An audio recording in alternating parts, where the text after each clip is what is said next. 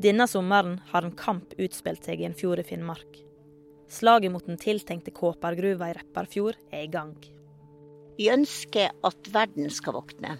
Vi ønsker at regjeringa skal våkne. Vi ønsker at tillatelsen skal trekkes tilbake. Gruva er kanskje best kjent for å ha fått tillatelse til å dumpe 30 millioner tonn giftig avfall rett i fjorden. Dette er noe Havforskningsinstituttet tydelig har fraråda. Vi er redd for fisken. Vi er redd for matfatet vårt. Vi er redd for laksen. Laksen betyr mye. Repparfjordelva betyr mye for bosettinga her nord.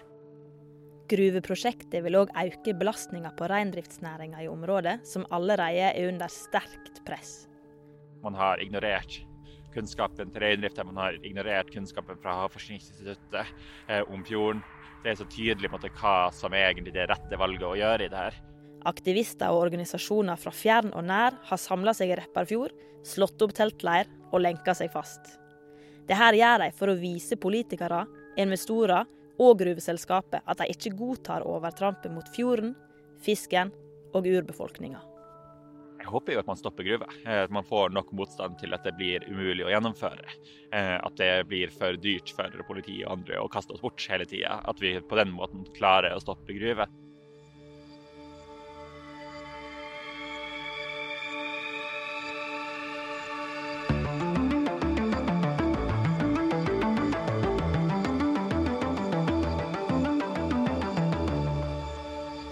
Du hører på Redd Repparfjord.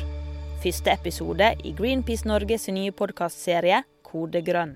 Denne episoden er produsert av Sigrun Sæbø Aaland og Henrikke Ellingsen, og tar for seg en av truslene norske fjorder og havområder står ovenfor. Vi starter reisa vår på vei til Repparfjord i Finnmark. Det er nå båten går. Det er nå det står om. Dette er siste økta på en lang kamp. Jeg heter Henrikke, og jeg jobber som fagrådgiver for hav og klima i Greenpeace Norge. Jeg har lenge vært aktiv i miljøkampen, og er særlig bekymret for hvordan vi som samfunn behandler havet. Nå er jeg og seks andre på vei til Repparfjord for å aksjonere mot den planlagte kobbergruven til selskapet Nussir ASA. Nussir-gruven har som mål om å bli verdens første helelektriske gruve med null CO2-utslipp. Men det hjelper lite når gruveslammet er akutt giftig for livet i Repparfjorden. Vi setter oss i bilen i Oslo, lettere naive over reisen som ligger foran oss. Jeg sender noen gode tanker til den litt slitne bilen, og håper den holder ut så langt. Turen tar fire dager, og vi nyter utsikten. Vi blir kjent med landskapet og hvordan det sakte endrer seg ved hver fylkesgrense. Når vi når Finnmark, har tregrensen krøpet nedover, fjellet er brattere, og været er definitivt ikke det samme. Med utsikt mot Repparfjorden har protestleiren Markoppsynet slått seg ned på en slette. Vi kommer frem sent på kvelden, men rekker akkurat protestleirens faste kveldsmøte. Stemningen er spent. Det er nå det skjer. Vi skal lenke oss sammen for å hindre oppstart av arbeidet med Nussir-gruven kanskje allerede neste dag. Jeg treffer Åse Marie Småvik for første gang i lavvoen på kveldsmøtet. Hun er 72 år, pensjonert lærer og aktivist. Åse Marie er full av pågangsmot og bruker pensjonisttiden sin til å kjempe for det hun tror på. Hun har aksjonert mot gruveplanene helt siden 2012 og har ingen planer om å gi seg. Vi kalte oss for Redd Repparfjorden og danna ei Facebook-gruppe. Så vi ble aldri mer organisert enn som så. Det ble aldri en sånn som vi registrerte i Brønnøysundregisteret f.eks. Men vi hadde aksjonen hvert år siden da. Vi starta med folkemøter hvor vi hadde folk som kunne mer om saka, til å snakke om eh, for, fordeler og ulemper. Ikke så mye fordeler, det fant vi ikke. Men alle ulempene både for reindrift og for fiskeri og for eh, altså, med hva som kunne skje med den dumpinga som skulle være i sjø. Jeg kalte det for Nussirholla, der de skal fylle igjen. Åse Marie kan fortelle at det har vært mye engasjement rundt aksjonsgruppen Nei til Nussirgruven, Redd Repparfjorden, helt fra starten av. fullt hus på hotell i Hammerfest. Fullt hus. Jeg husker, jeg tror et av de første møtene til slutt så sa vi hadde ikke tenkt at møtet skulle vare så lenge, så nå må dere gå.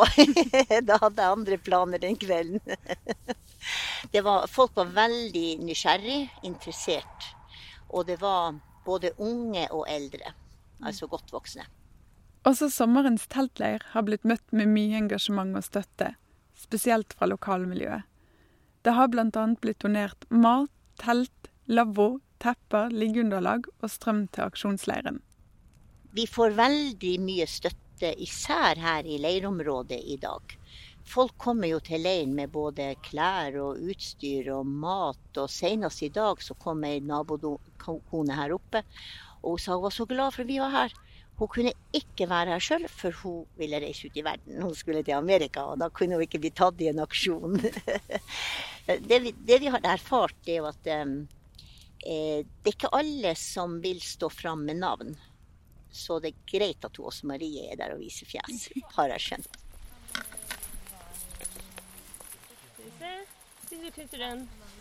Sånn at det er behagelig, men stramt rundt livet. Dagen etter blir det action i leiren. Nussir har startet arbeidet på Markåkneset. De første grunnprøvene skal tas, og leiren går i full beredskap. Og når dere sitter der, så må dere være forberedt på å sitte lenge. Så det er derfor regntøy er lurt hvis det er meldt regn. Lenkene lokaliseres, alle varme klær finnes fram, men sitteunderlag og reinsdyrskinn hentes ut fra lavvoen. Vi har større kjettinger, men de er, de er on site. Hvis Nussirgruven blir en realitet, vil det årlig slippes ut to millioner tonn med gruveslam rett i fjorden i et såkalt sjødeponi.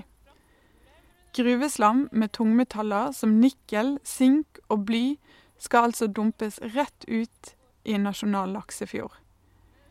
I tillegg så ligger dumpingområdet midt i et viktig gytefelt for kysttorsken. I dag er Norge ett av kun to land i hele verden som tillater nye gruveprosjekter med sjødeponi. Med lenka på, med lenka på. Her sitter vi med lenka på. For vi skal redde Repparfjorden. Her sitter vi med lenka på. Når vi kommer frem til anleggsområdet, finner vi en gravemaskin parkert på sletten, men ingen arbeidere i sikte. De er på lunsj i Skaidi, en liten kjøretur unna. Aksjonistene lenker seg til gravemaskinen og danner en rekke for å blokkere veien inn til anleggsområdet. Det er fremdeles surt ute, men aksjonistene er godt forberedt. Lenkene låses, og nøkkelen forsvinner ut av syne. Ifall russin, Ellos vakna! Ifall russin, Ellos vakna! Ifall russin, Ifall nussir, Ellos watna, ropes det på samisk. Dette kan oversettes til Stopp Nussirgruven, la fjorden leve. Kort tid senere er arbeiderne og daglig leder i Nussir ASA, Øystein Rushfeldt, tilbake fra lunsj. Det er umulig å starte opp igjen med gravingen, og arbeiderne sendes derfor hjem for dagen. Aksjonen i dag var vellykket, men kampen er langt ifra over. Når jeg ser utover Repparfjorden, er det vanskelig å forestille seg hva gruven vil gjøre med fjorden og livet her. Kanskje er det grunnen til at vi fortsetter å se på havet som en søppelplass. Miljøkonsekvensene av gruven vil bli store. Alt liv på havbunnen i dumpingområdet kan forsvinne, og partikler vil kunne spre seg langt av gårde og være skadelig for naturmangfoldet i større deler av fjorden.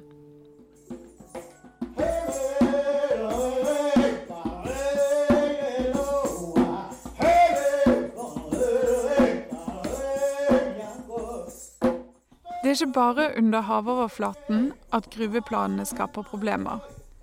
Stiftelsen Protect Sápmi har på oppdrag av Sametinget gjennomført en konsekvensutredning som ser på hvordan Nussirgruven vil påvirke reinbeitedistriktene Fjetter og Fala. Protect Sápmi konkluderer med at dersom vindkraftanlegg, høyspentledninger, hyttefelt, veier og Nussirgruven bygges, vil Fjetta kun ha 30% av arealet igjen til reindrift. Dette er langt over tålegrensen for videre drift. Jeg sitter ute med Lasse Bjørn i det som er et etterlengtet opphold fra alt regnet. Han er en av de yngre aksjonistene i leiren, men har allerede lang fartstid i miljøbevegelsen. Lasse er samisk og er i leiren for å hindre dumping av gruveavfall i fjorden. Det handler om utnyttelse av naturressursene, det handler om sløsing av naturressurser. Det rammer primærnæringer, det rammer, det rammer reindrifta, det rammer fiskeriene. Så det rammer på det, det jeg mener er viktig for samfunnet fremover. En annen grunn til at Lasse er her, er for å sette fokus på hva utbyggingen av gruven vil ha å si for reindriften og sjøsamisk fiske i området. Nå har det kommet en rapport som sier at uh, hvis gruver og andre planlagte inngrep i området kommer til å skje, så skal man overføre en reduksjon som kan tilsvare 50% av antallet sideandeler. Det vil si at halvparten av arbeidsplassene i reindrifta i området vil måtte legge ned. Mm. Eh, og det vil være ganske store Det området er jo allerede utsatt for store inngrep. De har mista allerede over halvparten av arealene sine til hyttefelt, til kraftlinjer osv. Og, så og dette er bare en fortsettelse av det. Så allerede, det er et område som er allerede veldig, veldig pressa. Gjennom reindriften og sjøsamisk fiske videreføres kultur, kunnskap om naturen og bærekraftig matproduksjon til nye generasjoner. Man har jo drevet med reindrift på flere hundre år eh, i det området her, med det tamreindrift. Og det er jo mye på det kunnskap og kultur som er nedarva gjennom generasjoner. Og mye av samisk kultur og språk er jo nå i dag knytta til reindrift. Det er jo der det har overlevd best. Så mye av den levende samiske kulturen er knytta til reindrifta i dag. Eh, og så tar man tilbake kulturen på andre områder. Eh, så det er, det er, viktig som samisk kulturbærer på den måten. Og eh, ja, man har også levd i og drevet i generasjoner. Og med tanke på at området i Arktis er et sårbart område, så er det også utrolig mye kunnskap om forvaltning av landområder som ligger i reindrifta som kultur, og forvaltninga som kultur. Og en drift av å miste mer og mer områder gjør jo at man mister den kunnskapen om forvaltning av landområder som helhet. Det er mye måte, kunnskap om, som i dag kanskje ikke finnes i vitenskapen, ja, og så er det jo også en fleksibilitet og en måte å møte klimaendringene på som allerede eksisterer. Kan du utdype litt på det? Når jeg tenker på klimaendringer, så tenker jeg at klimaendringer handler om, det handler om eh, biomangfold, det handler om eh, naturområder. Men det handler til syvende og sist for min del om matproduksjon. Det handler om hvordan skal vi som måte, det store verdenssamfunnet overleve. Det handler om at vi har nok mat til folkene som bor i verden. Det er det på en måte alt til det syvende og sist handler om. Mm. Og Ehm, det er jo mye på en måte, matproduksjon globalt er jo trua av klimaendringer. Så her er det jo områder som man kan bli mer fruktbar, eller kan, som kan benyttes i større grad. Men reindrifta er jo også trua av f.eks. uvær, ekstremvær, låste beiter. Eh, at det, ting ikke kan drives på samme måte som før. Og da er man avhengig av en stor fleksibilitet i møte med det. Og, hva, og fleksibiliteten til reindrifta har alltid vært at man til store arealer. Hvis det har vært problemer på ett område, så har man kunnet benytte andre arealer. Og man har begynt å benytte arealer med tanke på hvor sårbar naturen er, så har man latt beita vente i flere år, mens man har sin, måte, prøvd å styre reinen litt i andre. Det handler om hva man har benytta seg av, og det er for å unngå store inngrep i naturen. Og hvis det har vært vel for mange som har drevet med reindrift, så har man tradisjonelt flytta til kysten og gjort andre ting.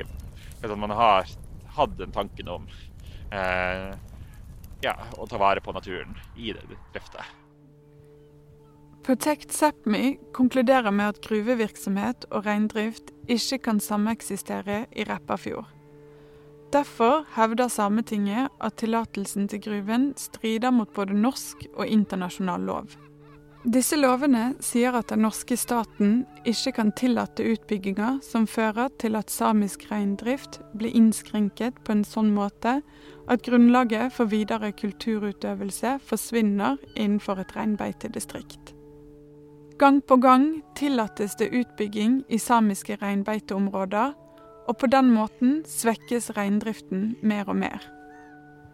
Reindriften har måttet vike for vindkraft på Fosen og Øyfjellet, og nå er det samme i ferd med å skje i Repparfjorden, men denne gangen for en gruve. Lasse kaller det for grønn kolonialisme. Man har først hatt en lang fornorskingsprosess. Man har eh, konsekvensene av det. Man har, eh, men nå, nå når den måte, skal være over, og man skal nå ja, møte eh, klimaendringer. Man skal ta og gjøre alle tiltakene som skal gjøre for det. Så ser man på hva har vi av tilgjengelig areal, og igjen blir på en måte det samiske folket oversett. Eh, de samiske næringene blir oversett og sett på som mindre viktig i, med noe man har gjort i fortida. Og de arealene de man skal ofre til noe ja, gruve som skal produsere kobber til det grønne skiftet. Eller du har også en vindmølleanlegg, vindturbinanlegg som benyttes for og ja, i områder som man kanskje ikke har så stort behov for strøm, og som er utrolig viktig for reindrifta. Så det er den ja, Bit for bit har man av de arealene som er viktige for det samiske folket. En annen som kjenner kampen mot Nussirgruven godt, er leder for reinbeitedistrikt Fjetter, Nils M. Utsi. Han understreker noe som Protect Sápmi og Sametinget også påpeker. Hvis reinbeitebestanden til fjetter reduseres med 50% vil det få store kulturelle tap for hele den samiske reindriften. Det reinbeite det er som leder, og det reindrifta generelt har å forholde seg til, det er det totale inngrepsbildet. Man har ikke i det her området bare Nussir gruvevirksomhet. Man har hytteområder, man har en stor 400 kV kraftlinje. Man har eh, masse, masse annen type inngrep. Så det totale bildet den er veldig stor. Og får vi Nussir gruvevirksomheten etablert, så vil det på en måte være det som velter hele lasset. Så vår reindrift eh, vil mange ut av oss må da avvikle sin reindrift.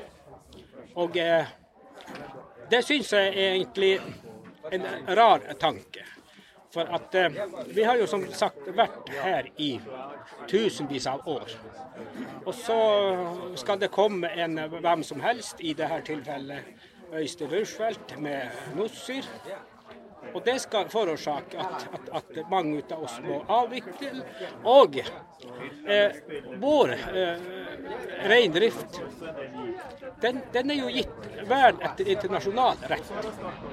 SP artikkel 27, eh, for å nevne ett. Så vi eh, er jo sånn sett eh, Selv om vi har den trusselen hengende over oss, denne tvangsavviklingstrusselen hengende over oss, så har vi, eh, er vi fortsatt ved godt mot og finner støtte i internasjonal rett.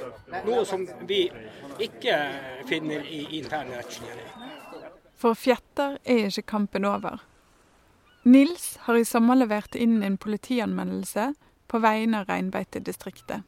De mener at Nussir har startet arbeidet uten nødvendige tillatelser, ettersom Markoppneset ligger flere kilometer utenfor konsesjonsområdet for gruven. Jeg ble jo eh, oppmerksom på at det eh, var oppstart av maskiner der ute på eh, Markoppneset. Og jeg visste godt at ingenting av tillatelser, nødvendige tillatelser var gitt.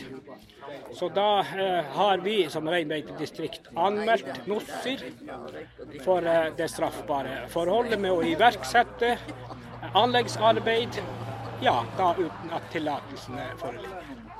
Og den eh, var eh, jeg nå og redegjorde for NOSSI-direktøren, og gav han gjenpart av dokumentet.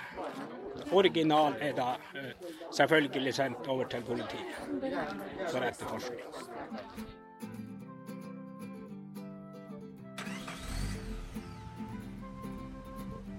Vi setter oss i bil igjen, denne gangen med masse nye inntrykk og tanker. Allerede når vi når Narvik, føles det som vi er langt sør i Norge. Perspektivet har endret seg. I løpet av oppholdet i leiren ble det klart at det er store ubesvarte spørsmål som både aksjonister og lokale sitter igjen med. For hva vil skje med reindriften i området hvis gruven blir bygget? Og når skal myndighetene begynne å behandle havet med respekt og slutte å dumpe avfall i fjordene? Som både Nils og Lasse er inne på, er det mange viktige grunner til å sikre reindriftens fremtid. Samtidig trenger vi også å sikre levende hav og fjorder. Her vil vern av områder som Repparfjord spille en stor rolle. Vern vil sikre at det biologiske mangfoldet holder seg intakt, og at sjøsamiske fiskere og andre kystfiskere har tilgang til nok fisk og kan fortsette å leve av havet både nå og i fremtiden.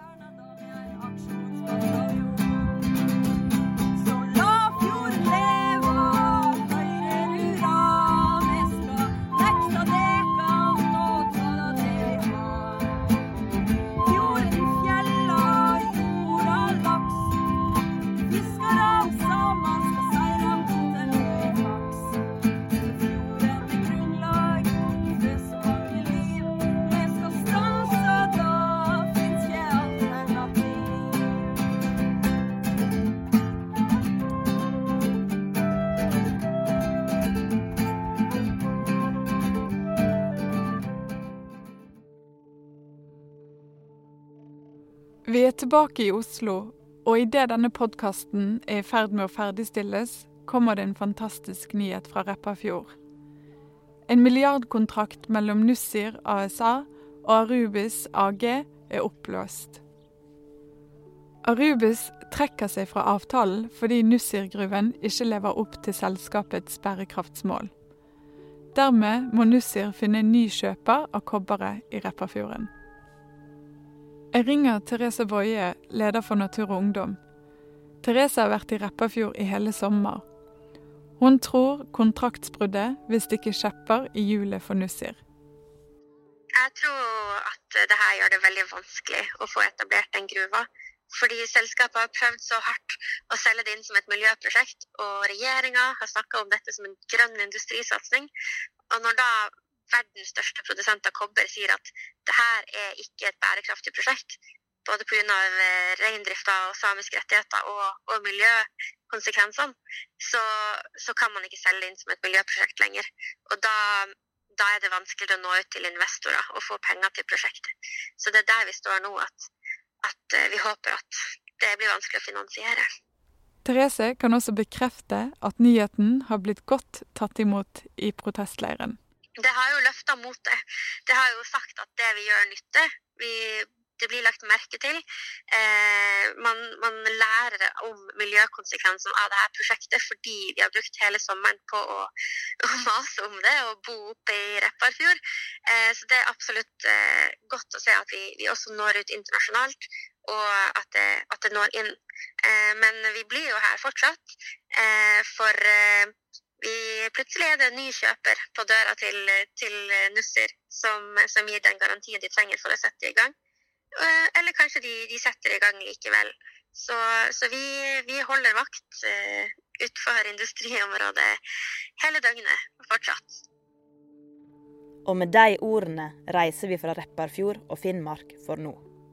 Du har hørt på Redd Repparfjord, en podkast produsert av Greenpeace Norge. Vil du vite mer om hva Greenpeace jobber med, så kan du besøke oss på Instagram, Facebook eller på greenpeace.no.